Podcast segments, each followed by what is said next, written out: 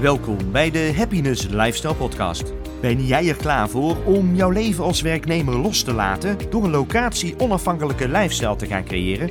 Wil jij geïnspireerd worden door succesvolle ondernemers die jou zijn voorgegaan? Blijf dan luisteren. De Happiness Lifestyle Academy is voor mensen en gezinnen die de stap naar een locatie onafhankelijk leven willen maken.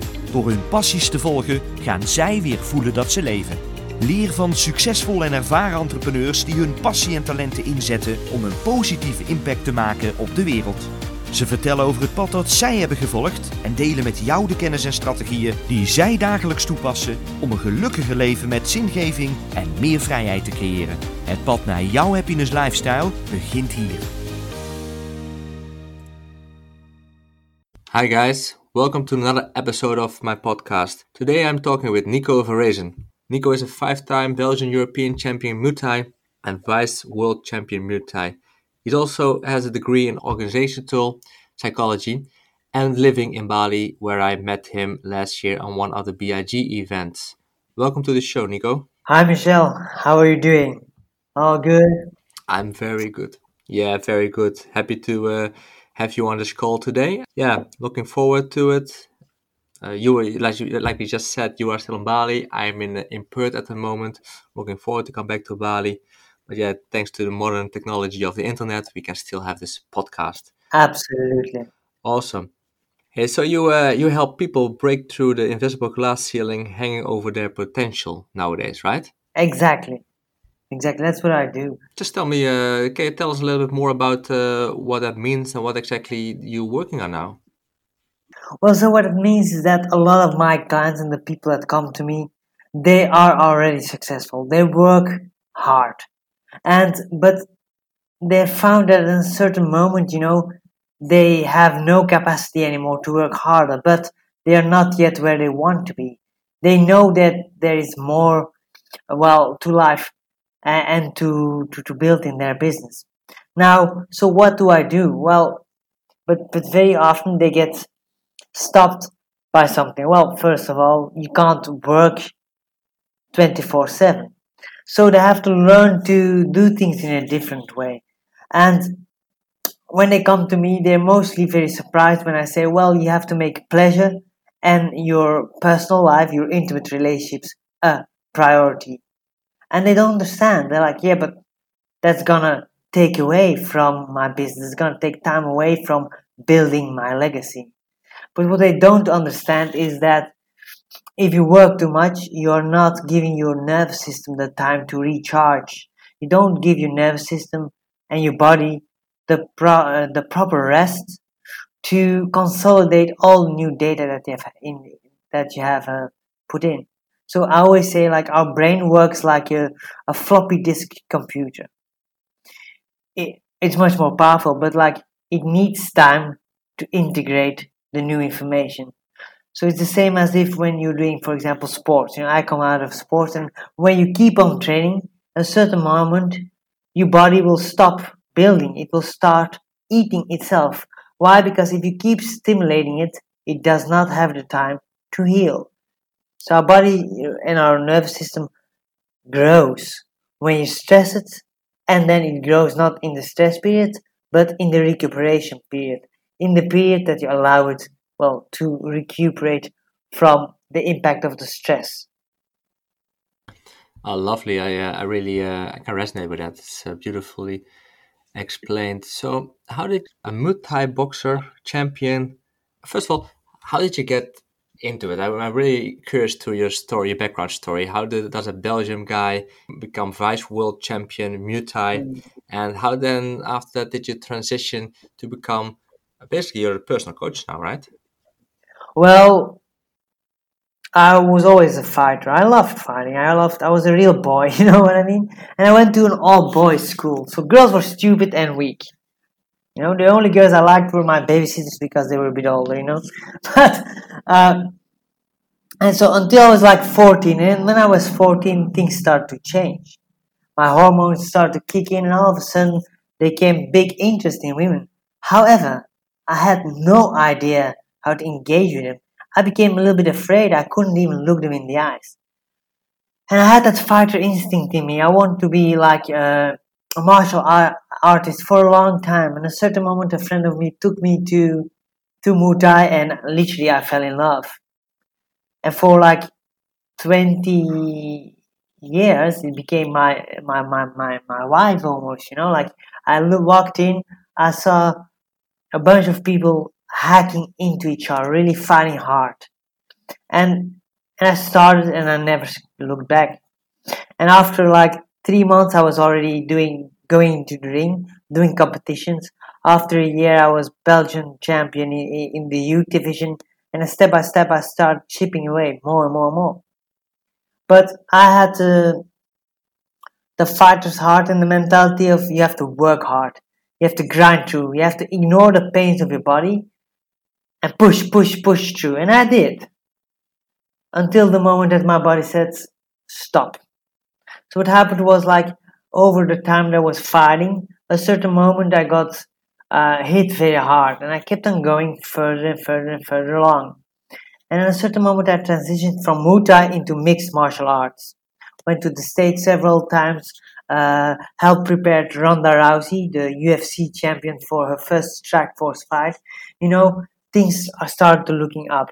I got offered a job in a in the in the gym where Roy, uh, where uh, Jon Jones, the another UFC champ, uh, was uh, was groomed, and uh, it was a wrestling based gym. So that's something that I needed to do as a striker in mixed martial arts. I need to be able to keep standing, keep my gap standing, standing because that was my expertise. So it was perfect. And then at the same time, I was gonna join the Ultimate Fighter TV show, but then I went to uh, uh, uh, to take my medical checks in Belgium because well, it's much cheaper, and everything came tumbling tumbling down because when I went to the the eye doctor, what happened is he saw that I had two detached retinas, uh, and I had to have surgery immediately, and everything started crumbling down. I lost a job. Uh, I couldn't go to the Ultimate Fighter uh, TV show, and you know, like I really, and then I, I, I slowly start fighting again, but then I had two more detachments. So in total, I had six surgeries on my eyes, and well, I just had to decide to to because I don't want to become blind. I like pretty things too much, you know. I had to hang on the gloves, and because of that, but I was at the same time like I said, I was interested in women, and so, but I didn't understand nothing about women and nothing about myself, my own psychology. So I started from the age 14, really delve deep into uh, psychology, into how the mind works, how anxiety works, how uh, how you can perform better, and also how uh, you can create deep intimate relationships. Because I had no clue. I was really very naive in that way. And so step by step, I started going deeper into first organizational and performance psychology, and then later uh, uh, I started just for myself to help my, well, let's say, intense love life to make that more well, uh, more comfortable, more relaxed.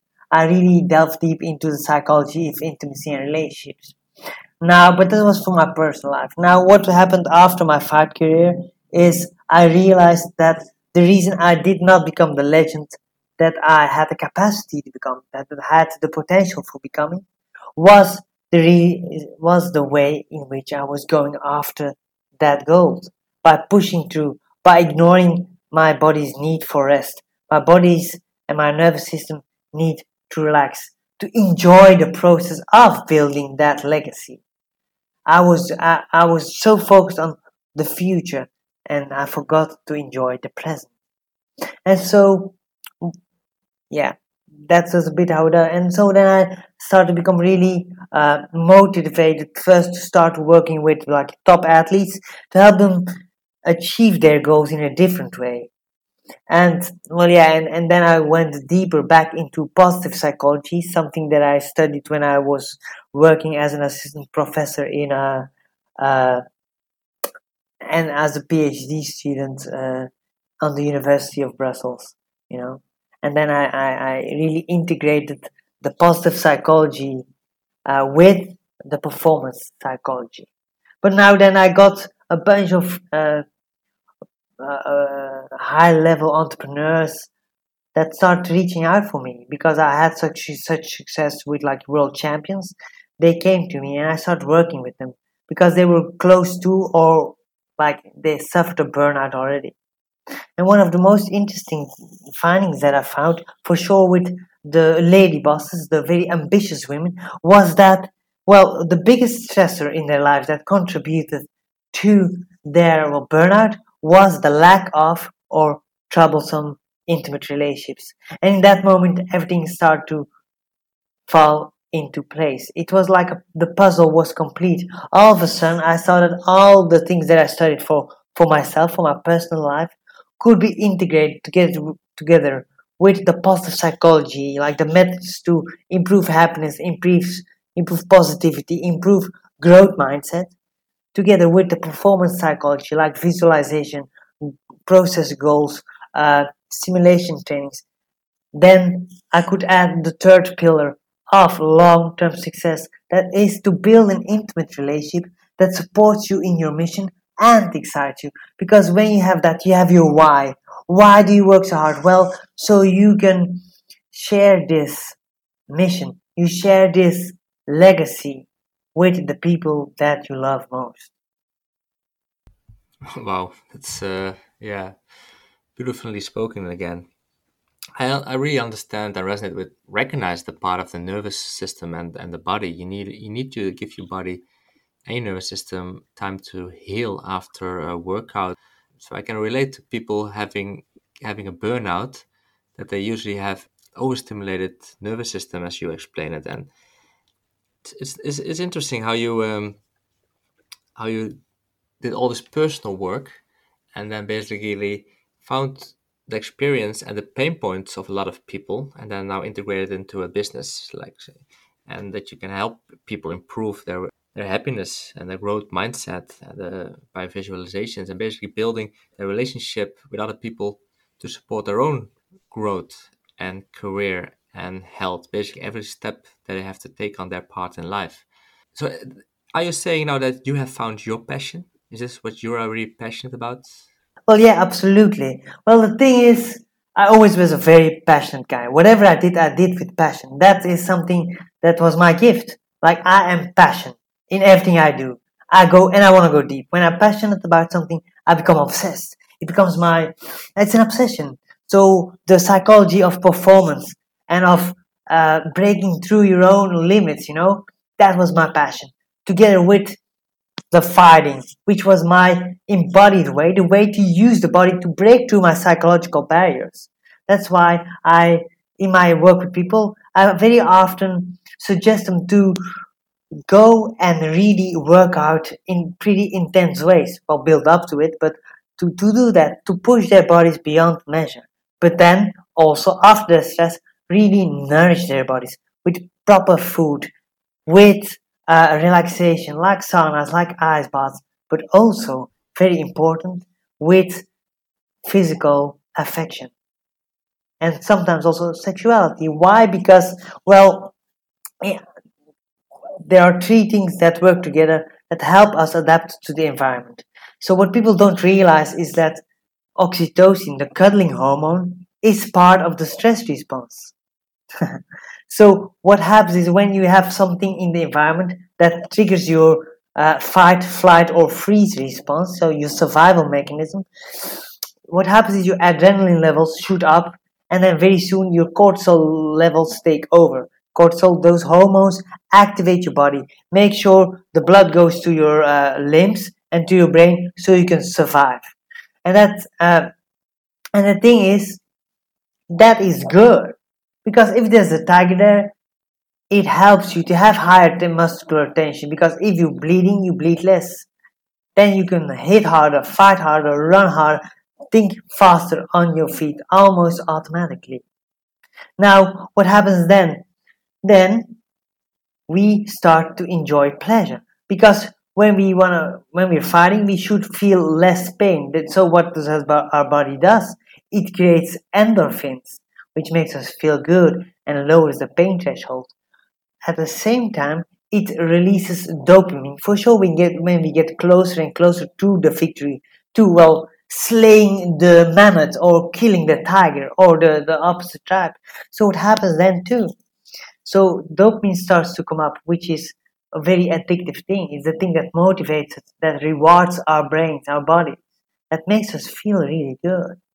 But that's not the only thing. At the same time, oxytocin gets higher. Why? It makes sense. Evolutionary speaking, it is much more uh, effective when you work together as a tribe to kill that mammoth than when you have to do it alone. So what happens is when you have those high oxytocin levels and then you connect with people that you feel you belong to, your heart rate starts to drop. So what happens is at the same time that your activation response, your uh, survival mechanism is activate, your relaxation response becomes activate. And so what you get is when you connect with other people, when then you're uh, you have like almost like a dual activation of your parasympathetic, your relax and rest response, and your activate response. So you learn how to stay calm into intensity when you feel you can uh, you can handle the pressure together. And so that's interesting, you know. And then afterwards, when you you have uh, reached your goal, dopamine levels shoot through the roof, oxytocin levels shoot through the roof again because then you're gonna celebrate together, and uh, you get serotonin, which calms your nervous system down even more, makes you feel like a champion, and helps you to connect even more. That's a hormone that also helps with well building belonging.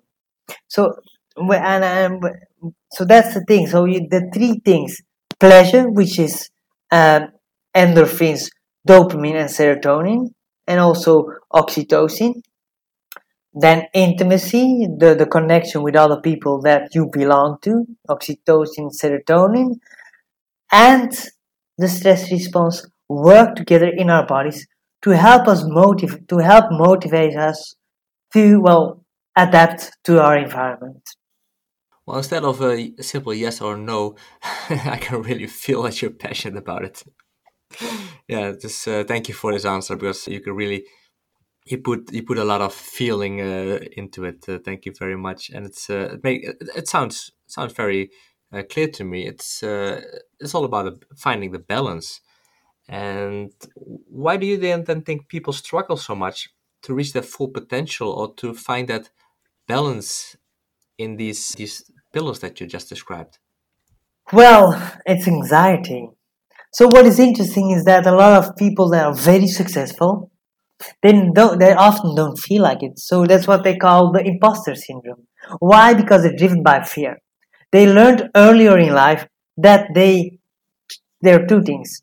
So very often people that are extremely successful, they have what psychologists like me call uh, an insecure attachment style because they learned earlier in life that their needs were only fulfilled when they performed well. For example, when they had parents that they only got attention when they well did well in school or when they performed well in sports. That's one thing. And so then they get anxious, you know, it's like I'm not good enough, so I have to prove that I'm good enough for people to love me. You know? To get my needs fulfilled, I have to work really, really hard. That's one part. Other people, they almost never got their needs fulfilled earlier in life. It can be with their parents, but it can also be later with one of their first partners. And so they learned, hey, I can depend on nobody else. And so they get what they call an uh, avoidant attachment style, in which they keep everything at bay, everyone uh, at a, at a comfortable distance, just close enough to to uh, give them enough uh, well connection to to uh, satisfy their immediate needs. But what happens then is then they say, "I will prove it to myself. I need no validation," but they're lying to themselves. They never got validation. So what happened in a certain moment? They decide, "I will validate myself." But both if you're focused on validating other people or if you're just validate on validating yourself, focused on validating yourself, it's a need for validation. And the problem with the need for validation is that you're trying to prove to or to yourself or to others, that you're worthwhile. That you're worthwhile to get your needs fulfilled. But the problem is this is ego based. This is like a, a fake replacement of the inborn self esteem. So when you look at young children, you know, you see their eyes are shining. They're enamored with themselves, with life, with everything that they can look at a little leaf for an hour because they're so in love with that.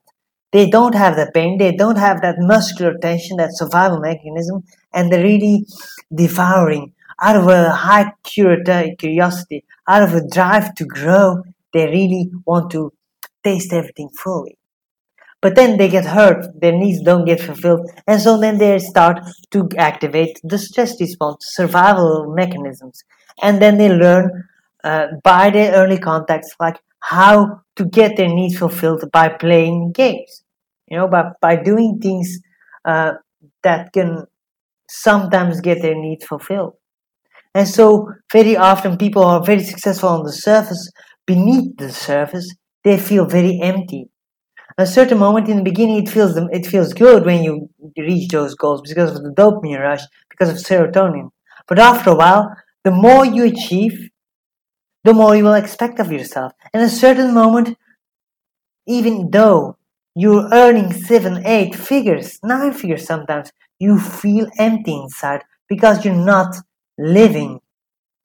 You're trying to prove something and you're not enjoying the process. You're not doing what makes you shine. And so, one of the goals is to refocus from like outcome goals to process goals to living your life in line with your values now. Because when you do that, when you're really fully connected with that, what gives you pleasure now, pleasure because it gives you meaning, but also pleasure because it just feels good to do the things that you do now. If you have that balance between pleasure, which means enjoyment in what you're doing, regardless of the outcome, and meaning, well, then you have a fully flourishing life. I believe so. I completely agree. It starts with awareness, and people just, if they know what's going on behind everything that they're showing to the outside world, and if they do the inner work, then they can start following their own passion and what their what's their drive and their purpose. And and and it's like you said, it starts with with your own values. Are you living by your own values? do you even know what your own values are or is just living a life that um, it was conditioned by society or by like you said your first relationship or by your parents yeah so if people are aren't, aren't aware of this how can they start what are simple steps people can do themselves to uh, achieve more or perform better well, uh, I'm going to say something that a lot of people in the self development space are oblivious to. To me, the fast track for personal growth is having intimate relationships. Why? You cannot run away. See, no, I first have to improve the connection with yourself. And I say, yeah, you can improve the connection with yourself. But the problem is that the things that hold us back from stepping up to the next level, they, the things that are self limiting, self destructive, these things very often are in our blind spots, are run unconsciously. They're being installed earlier in life, and so our brain is like a, an efficiency machine. It's like when you're driving the car and all of a sudden you arrive somewhere where you have no idea where you arrive. Now look at your relationships. Sometimes it goes very well, you're very happy, and then, like a few moments later, you don't know what happened. You are there, you see your partner crying or screaming at you, and you have no idea what happens. What is wrong with her or what is wrong with him? Well, very often this is a mirror. And if you're strong enough to dare to look into that mirror, very often you're going to see things that you don't like about yourself, that will not like about yourself, that you don't even want to accept about yourself. But, so to me, it's this. Yes, connecting with yourself is really important to improve your relationships, but your relationships are also the connections with other people is also essential to improve the relationships with yourself. It's like the yin and yang of connection, whereby you when you improve the relationship with other people, at the same time you re- improve the relationship with yourself and the other way around. It reminds me of a, of a one of my clients, Dia, and Dia she did it all. She was highly successful. She has like a multimedia company. Uh, well, I call her Dia. It's not a real name because you know I am really about discretion, you know. But so say Dia, she has like this multimedia company. She's earning so much. Amazing what she's done. At the same time, she makes sure her body is absolutely fit. She eats well. She's also fun, witty. She has it all. But for some reason, she doesn't have a man. And she's been struggling with this for years. And so this trouble, this stress really takes away of her focus of her business. It's starting to really hurt her business now. It's starting to overshadow her business when she came to me.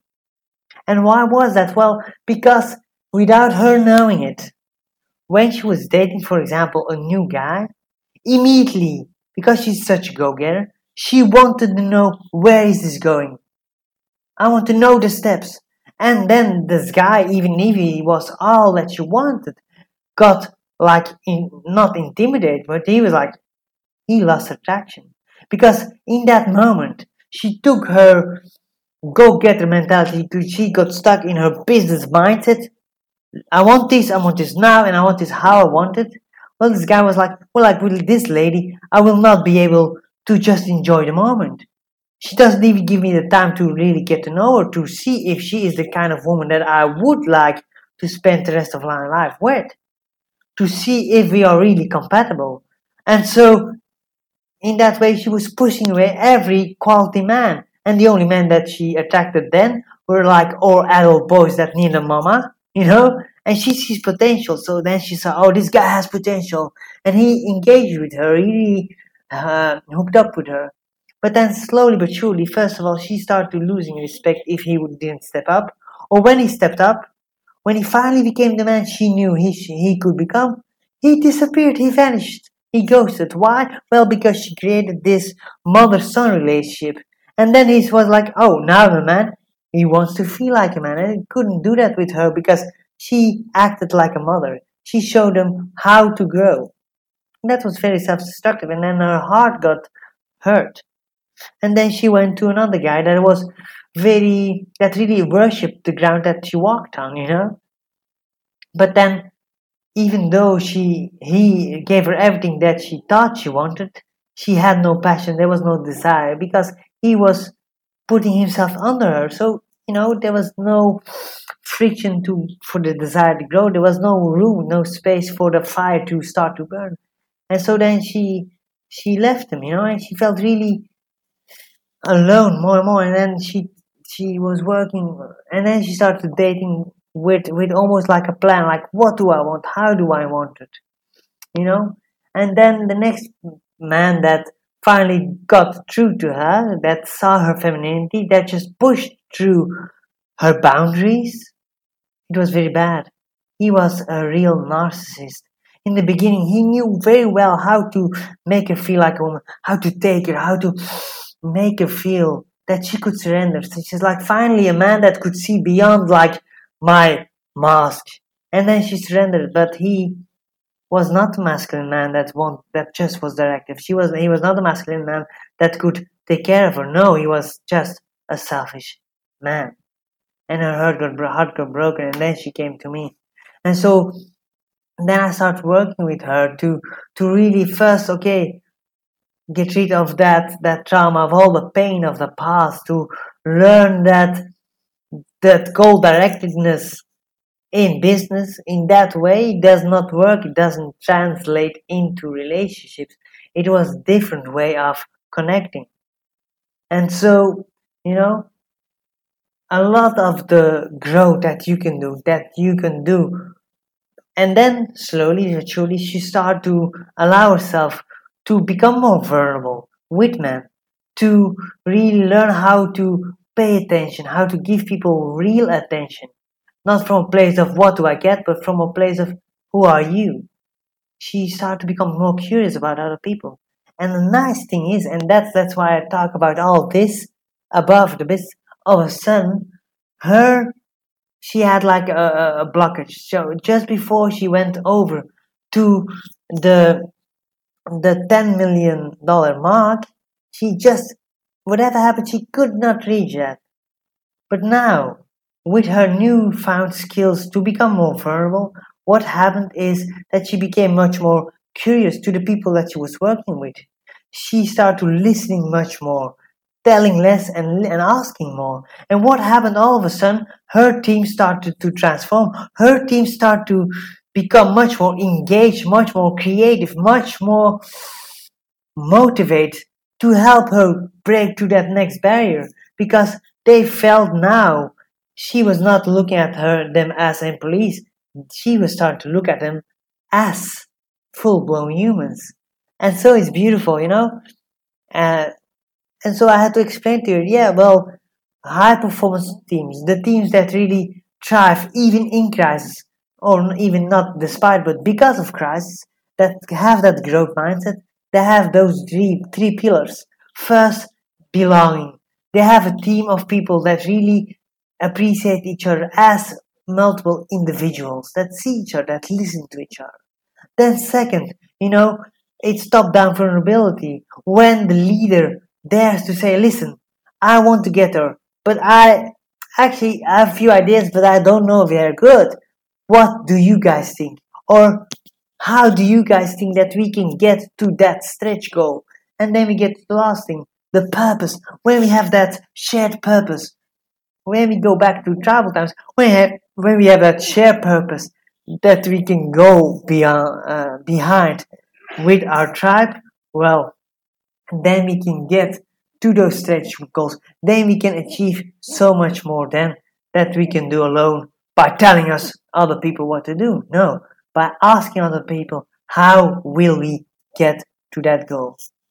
So in that way, you can see how improving your personal life will really help you to break through those barriers as well a manager or as a CEO. Yeah, it makes totally sense sense to me. I wonder why is, isn't this then used by other life coaches and personal development coaches as a, as a base and not really uh, not really sure. I do like the personal touch that you uh, bring into with your clients, and uh, I, I can imagine that it goes to a way deeper level of intimacy between coach and client as well. In in in this case, because people really have to open up. Do you use certain techniques to have people open up to you or exercises that you use when you work with clients? Well, I have a bunch of exercises, but the, the thing is, when I'm working with a person, I am really, really there. I ask a lot of questions, I really delve deep, and I pay a lot of attention. So when you pay a lot of attention, you see the micro expressions on the face, and you can see that, hmm, something's off. And then you start to dig. When you see a reaction in the face or in the the the voice of of your client then you can start to see okay what is really going on you know i also use a lot of hypnosis to really dig deep into things to help people to find clarity about things that the conscious mind cannot find uh, uh, solutions for like the thing is i think a lot of people want to tell a lot and i like to tell i like I'm very excited about things that I do. Now I'm telling you a lot because we're working in, in, in a podcast, but with a client, I shut up for at least 20% of the time. 20, 30%, I'm talking maximum. I love that. That's uh, that. That's the good quality of a coach. Know know when to be silent. Exactly, and pay attention. That's why I don't work with a lot of clients. Like at the moment, for example, I have place for only two more clients. Why? Well, first of all, because I am all in. I need a fresh mind. I need to be a specialist for them. And so I really dig deep. And when they have a problem, I will do all I can to help them grow, to help them find the pain points that they can grow to. And not only the pain points, but also to f- focus on what is good and how we can leverage that, how we can leverage what is already going well. That is essential to help people to realize how amazing their life is in every little moment, how to infuse their body with pleasure. Because what people don't realize is that our bodies feels fucking fantastic most of the time. I'm gonna make. I, I, want to ask you a question. Are you able? Are you willing to do a little exercise now? Sure, I am. I'm always willing to be a guinea pig for my uh, my guests in the show. Perfect. So what we're going to do, I want you to sit comfortably, and when you sit comfortably, I want you to uncross your legs and uncross your arms, and I want you to just close your eyes for a moment. And we're gonna do a little exercise, and it's a kind of a body scan. But the the classical body scan for me is not interesting. It's boring. What we're going to do is we're going to scan our body for pleasure. I want you to start to focus on the different parts of your bodies, from the tips of your toe to the tips of your fingers, from the top of your head to the tip of your tailbone, from the outer layer of your skin, where your hairs are, until the depths of your bone. I want you to really look for pleasure. Feel how fantastic your body feels. Notice the different fragrances. And allow yourself to notice that in this moment your body can start to feel really, really good just by you starting to look for it, to notice it, to notice the energy that is moving through your body.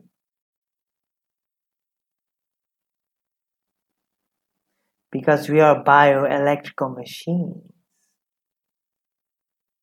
And it's almost as if your body always has this very subtle layer of, hmm, I can call orgasm, orgasmic energy, live energy. And you can go as spiritual as you can go, or you can be as scientific as you want. But it's about becoming aware of how good life feels when you allow yourself to relax in your body. And we are gonna strengthen this. So what I want you to do now is to breathe in deeply. Hold your breath. Start to squeeze all your muscles. Squeeze, squeeze as hard as you can from your hands until everything, until your feet. Squeeze it all hard, harder. Feel the tension. Feel how much effort this takes. And now breathe out and ah, relax your muscles. And now you can start to notice in your body that you're relaxing your muscles start to feel even better. As if every time you breathe in, this pleasure, this energy starts to rise. And every time you breathe out, the limits, the tensions start to melt away more and more. And now I'm going to shut up for 15 seconds. And during these 15 seconds, I want you to notice how in your body, with every in breath, you start to feel more and more. And with every out breath, you start to relax deeper and deeper now.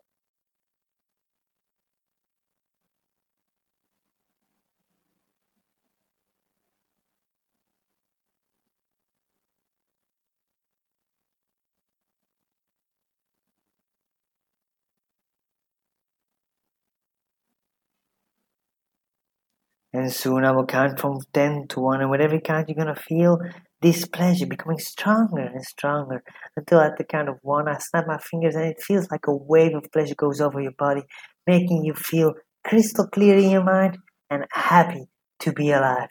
In 10, 9, double your feeling. 8, 7, feel how good it feels to be in your body now in this moment. 6, 5, feel how your mind becomes clear, open, and fantastically feel. Five, four, three, two, and one. Feel that wave of pleasure. Open your eyes and feel fantastic now. Oh, amazing, uh, Nico. I really hear with a big smile on my face. I really, I, I do, I do really feel happy. It's um, good thing uh, there's no camera.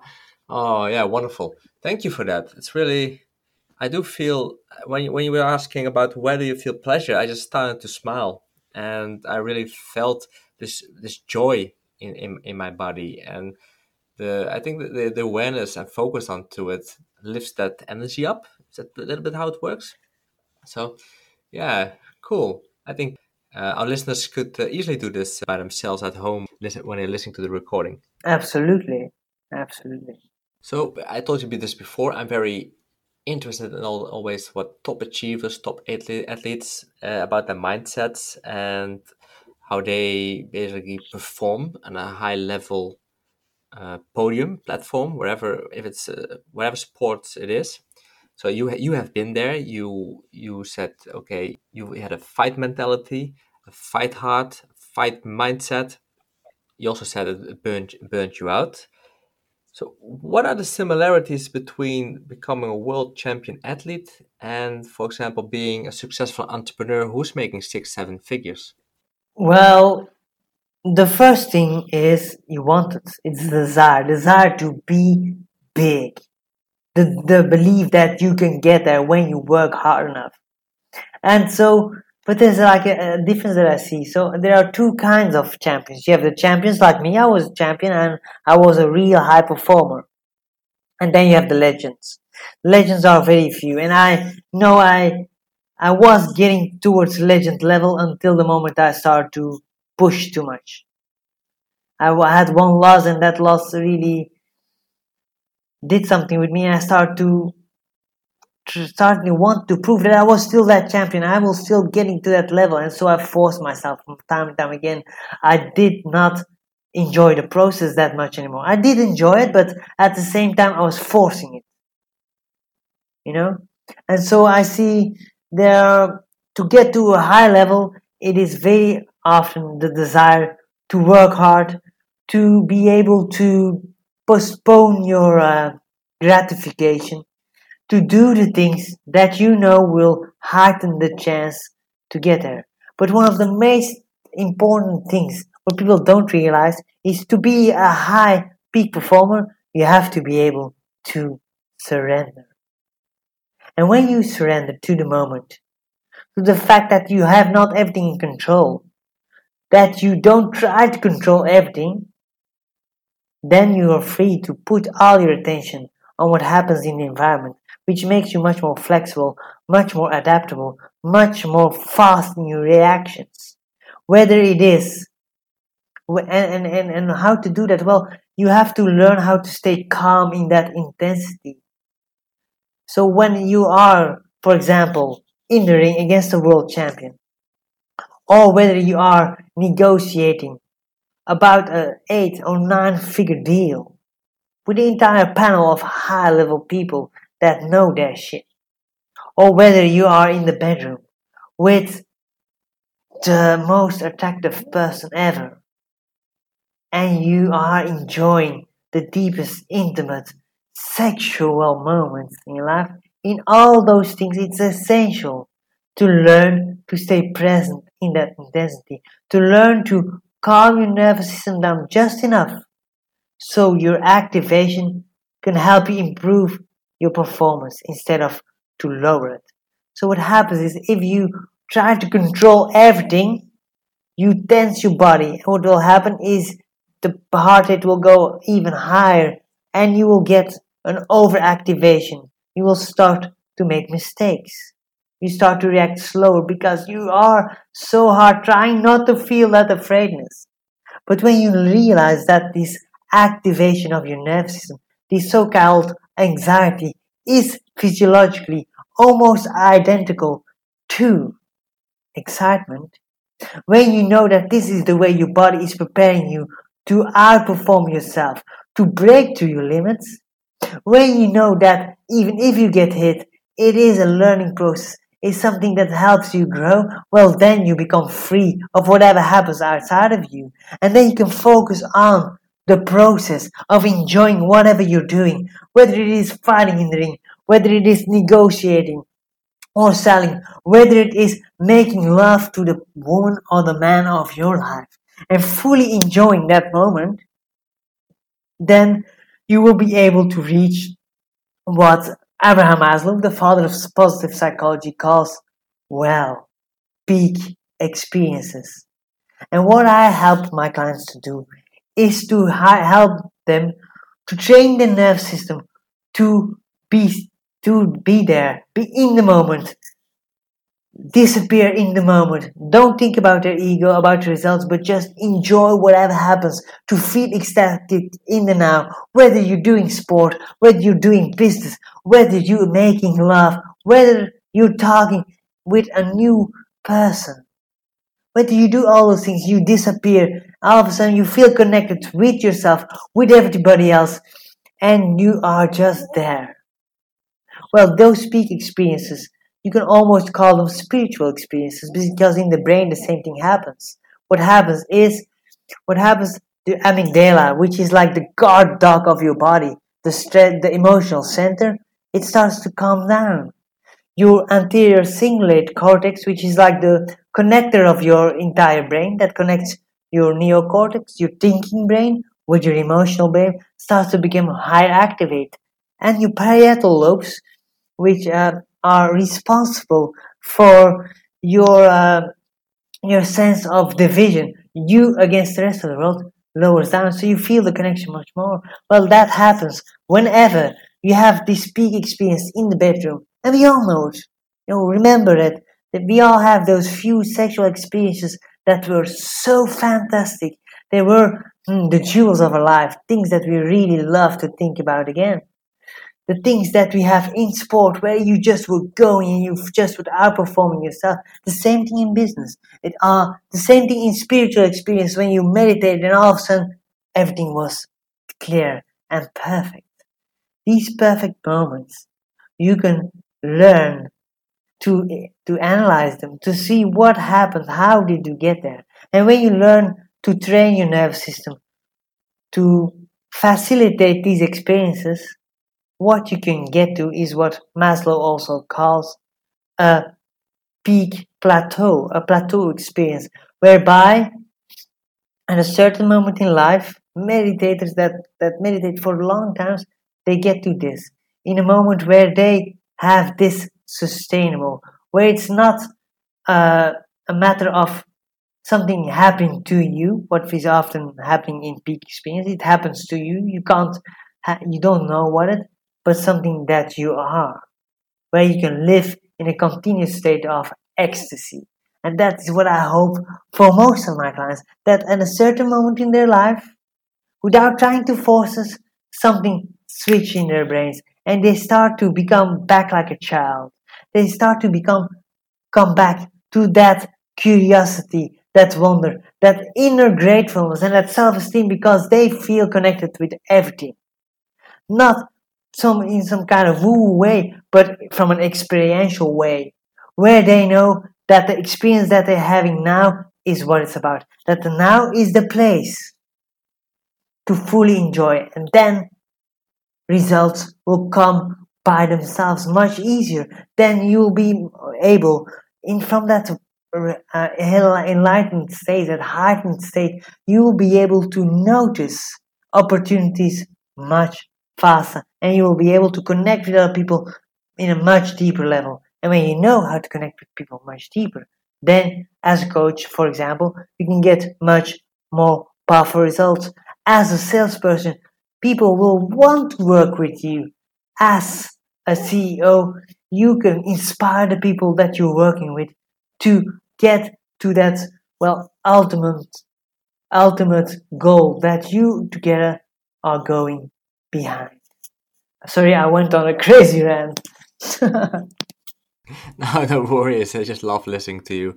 It's uh, it's very clear. It's very it's very present. Basically, what you you are here, and it's definitely noticeable. And I'm happy that for that. And what you're saying is that presence is basically everything. Presence uh, leads to awareness and basically heal a healing process that a lot of people, peak performers who might be successful from the outside but not successful from the inside are not uh, experiencing because they just lost the balance and eventually they burn out. What I always read about and hear about are uh, habits of uh, successful people. So a lot of uh, people who who do have that balance, they also have daily routines or habits that support that to finding to be to become present, more mindful, and I love it how you integrate visualization, meditation, even hypnosis, and all in, in your whole training and your, your coaching. So what I'm, I'm curious about what as a peak performer yourself, what are kind of habits that you use for yourself that uh, help you stay present and aware and mindful basically? Well, I'm a bit of a, of a, of a weird cookie. So, so whenever I, I wake up, mostly it's uh, around three or four in the morning. I'm awake. I don't know what happens, but I'm just awake. And then uh, I start uh, to do some breath work, and then I do what I call intimate meditation. Whenever I'm alone or when I'm a partner, I share it with my partner, which is why I uh, do what they call well semen retention. So actually I just play with myself, but I do it in a much different way whereby I try to feel my entire body, where I can use this energy and cycle through my body without ejaculating. What it does, it really gives your entire nerve system an absolute boost. It heightens your testosterone levels and it heightens your oxytocin levels even when you play with yourself. Of course, when you have a partner, it's much more um, engaging if you can meditate together as a as sexual partners, of course. It's almost a little bit tantric. That's what I do. After that, I uh, go train my body. Uh, now I'm a bit uh, handicapped because I broke my arm, but uh, I'm still making sure my body gets the necessary thing. Then I get a little espresso because I love it, you know, and then I start well doing my work. I have in the an entire schedule that I do every day. But what is important to me is I literally plan in my pleasure moments. Like every hour or every two hours for me, for, uh, for me it works and you have to look it out for yourself. I take a minute, between one to three minutes, to do what the exercise that we did, the pleasure scan, whereby you literally are training your, your consciousness to switch between go mode, when I'm working and analyzing and doing, doing calls, or let go mode, where I start to feel my body, where I train my reticular activation system, which is like the the looking glass, the attention span. It's like the the highlighting tool of your brain. I'm training that to look for pleasure, to look for being present now. You know, I do that every two hours. Some of my clients find it better to do an, a minute every hour. Other clients need to work in three hour windows. It's different for everybody, of course.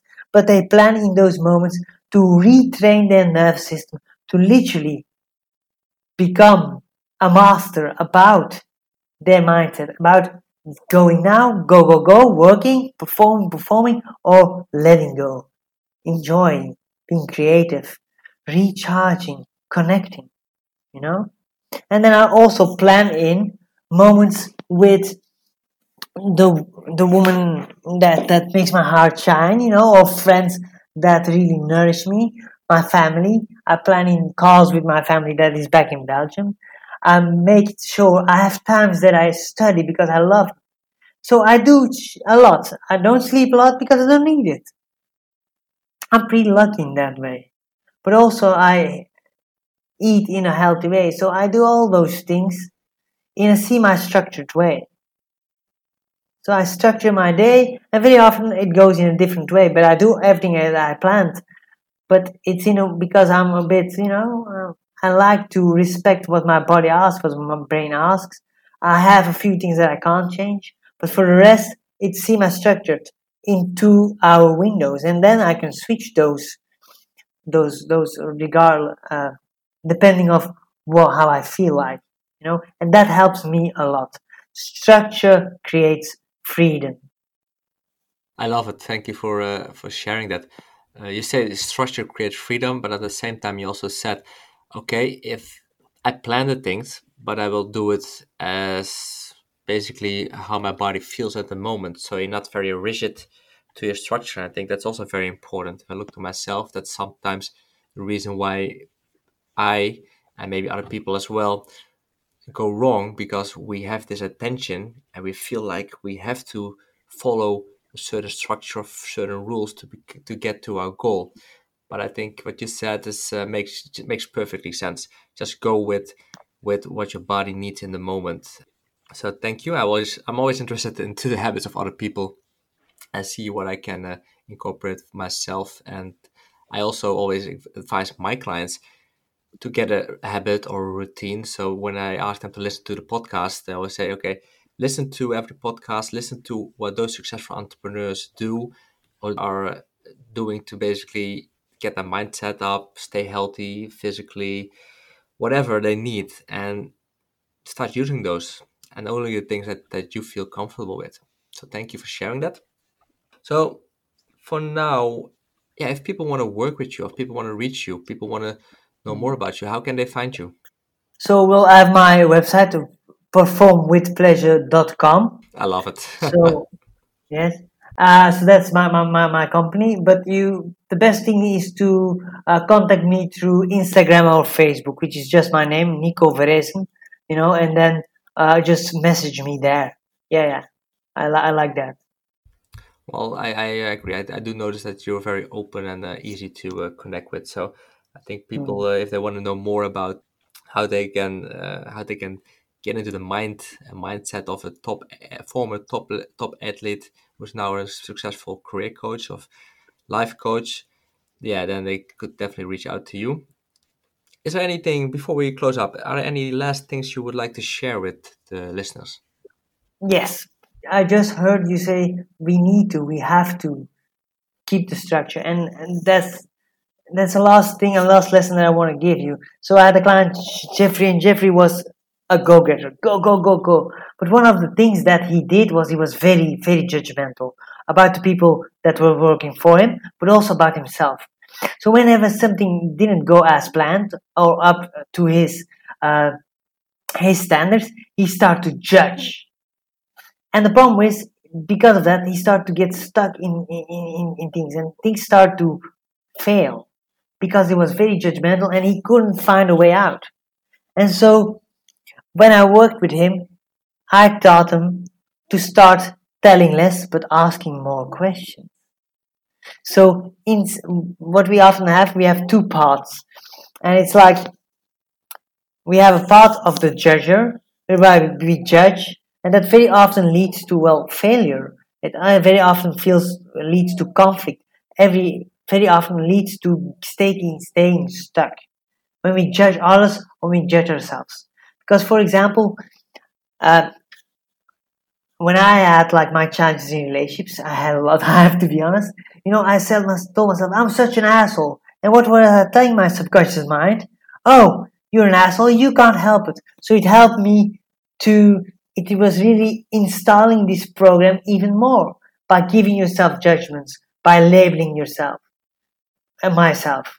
When what started to happen is, in a certain moment, I learned the part of the question, the part of the learner I started to ask myself, what can I learn from this situation? What do I really want? Who do I really want to be? What do the other persons want, need, and can bring to the table? What can I learn from this person? What can I learn from this situation? How can I use this to grow? Now, when you start to make this mental shift, and it takes time, of course, it's not easy to go from the judgmental mindset that we all have been brought up with to the growth mindset, the mindset of the question, whereby we say, no, it's not about answers. It's not about replicating answers like we got told in school. It's about asking questions. Then we can motivate everybody to start working together to create more and more questions, more and more learnings. So what I do, the last thing that I would suggest for most, well, business owners, instead of having a, a mission statement, replace it by a mission question. Instead of saying, we are the number one provider in my field, replace with like, how can we be an even better provider in our field? And then you open the doors for great great progress without the pressure of needing to give the right answers, but with the openness of learning how to ask better questions. I love it. Thank you. Yeah, a good good recall of uh, because I did say that, and it is a feeling that I sometimes have myself, and I know other people have it. And uh, yeah, then when things things fail, we start to judge mostly also ourselves. You know, the unworthiness or failure that that we feel. Thank you very much. Uh, I loved chatting with you today. If people want to reach out to you, they can do via Instagram um, or your website. So uh, amazing, Nico. I loved having you on the show. I'm looking forward to having you on the next show uh, in the future where we can dive a little bit deeper into the topics that you brought to the table today. So, yeah, I wish you an amazing day and um, yeah, chat soon. Absolutely, Michelle. Looking forward to it.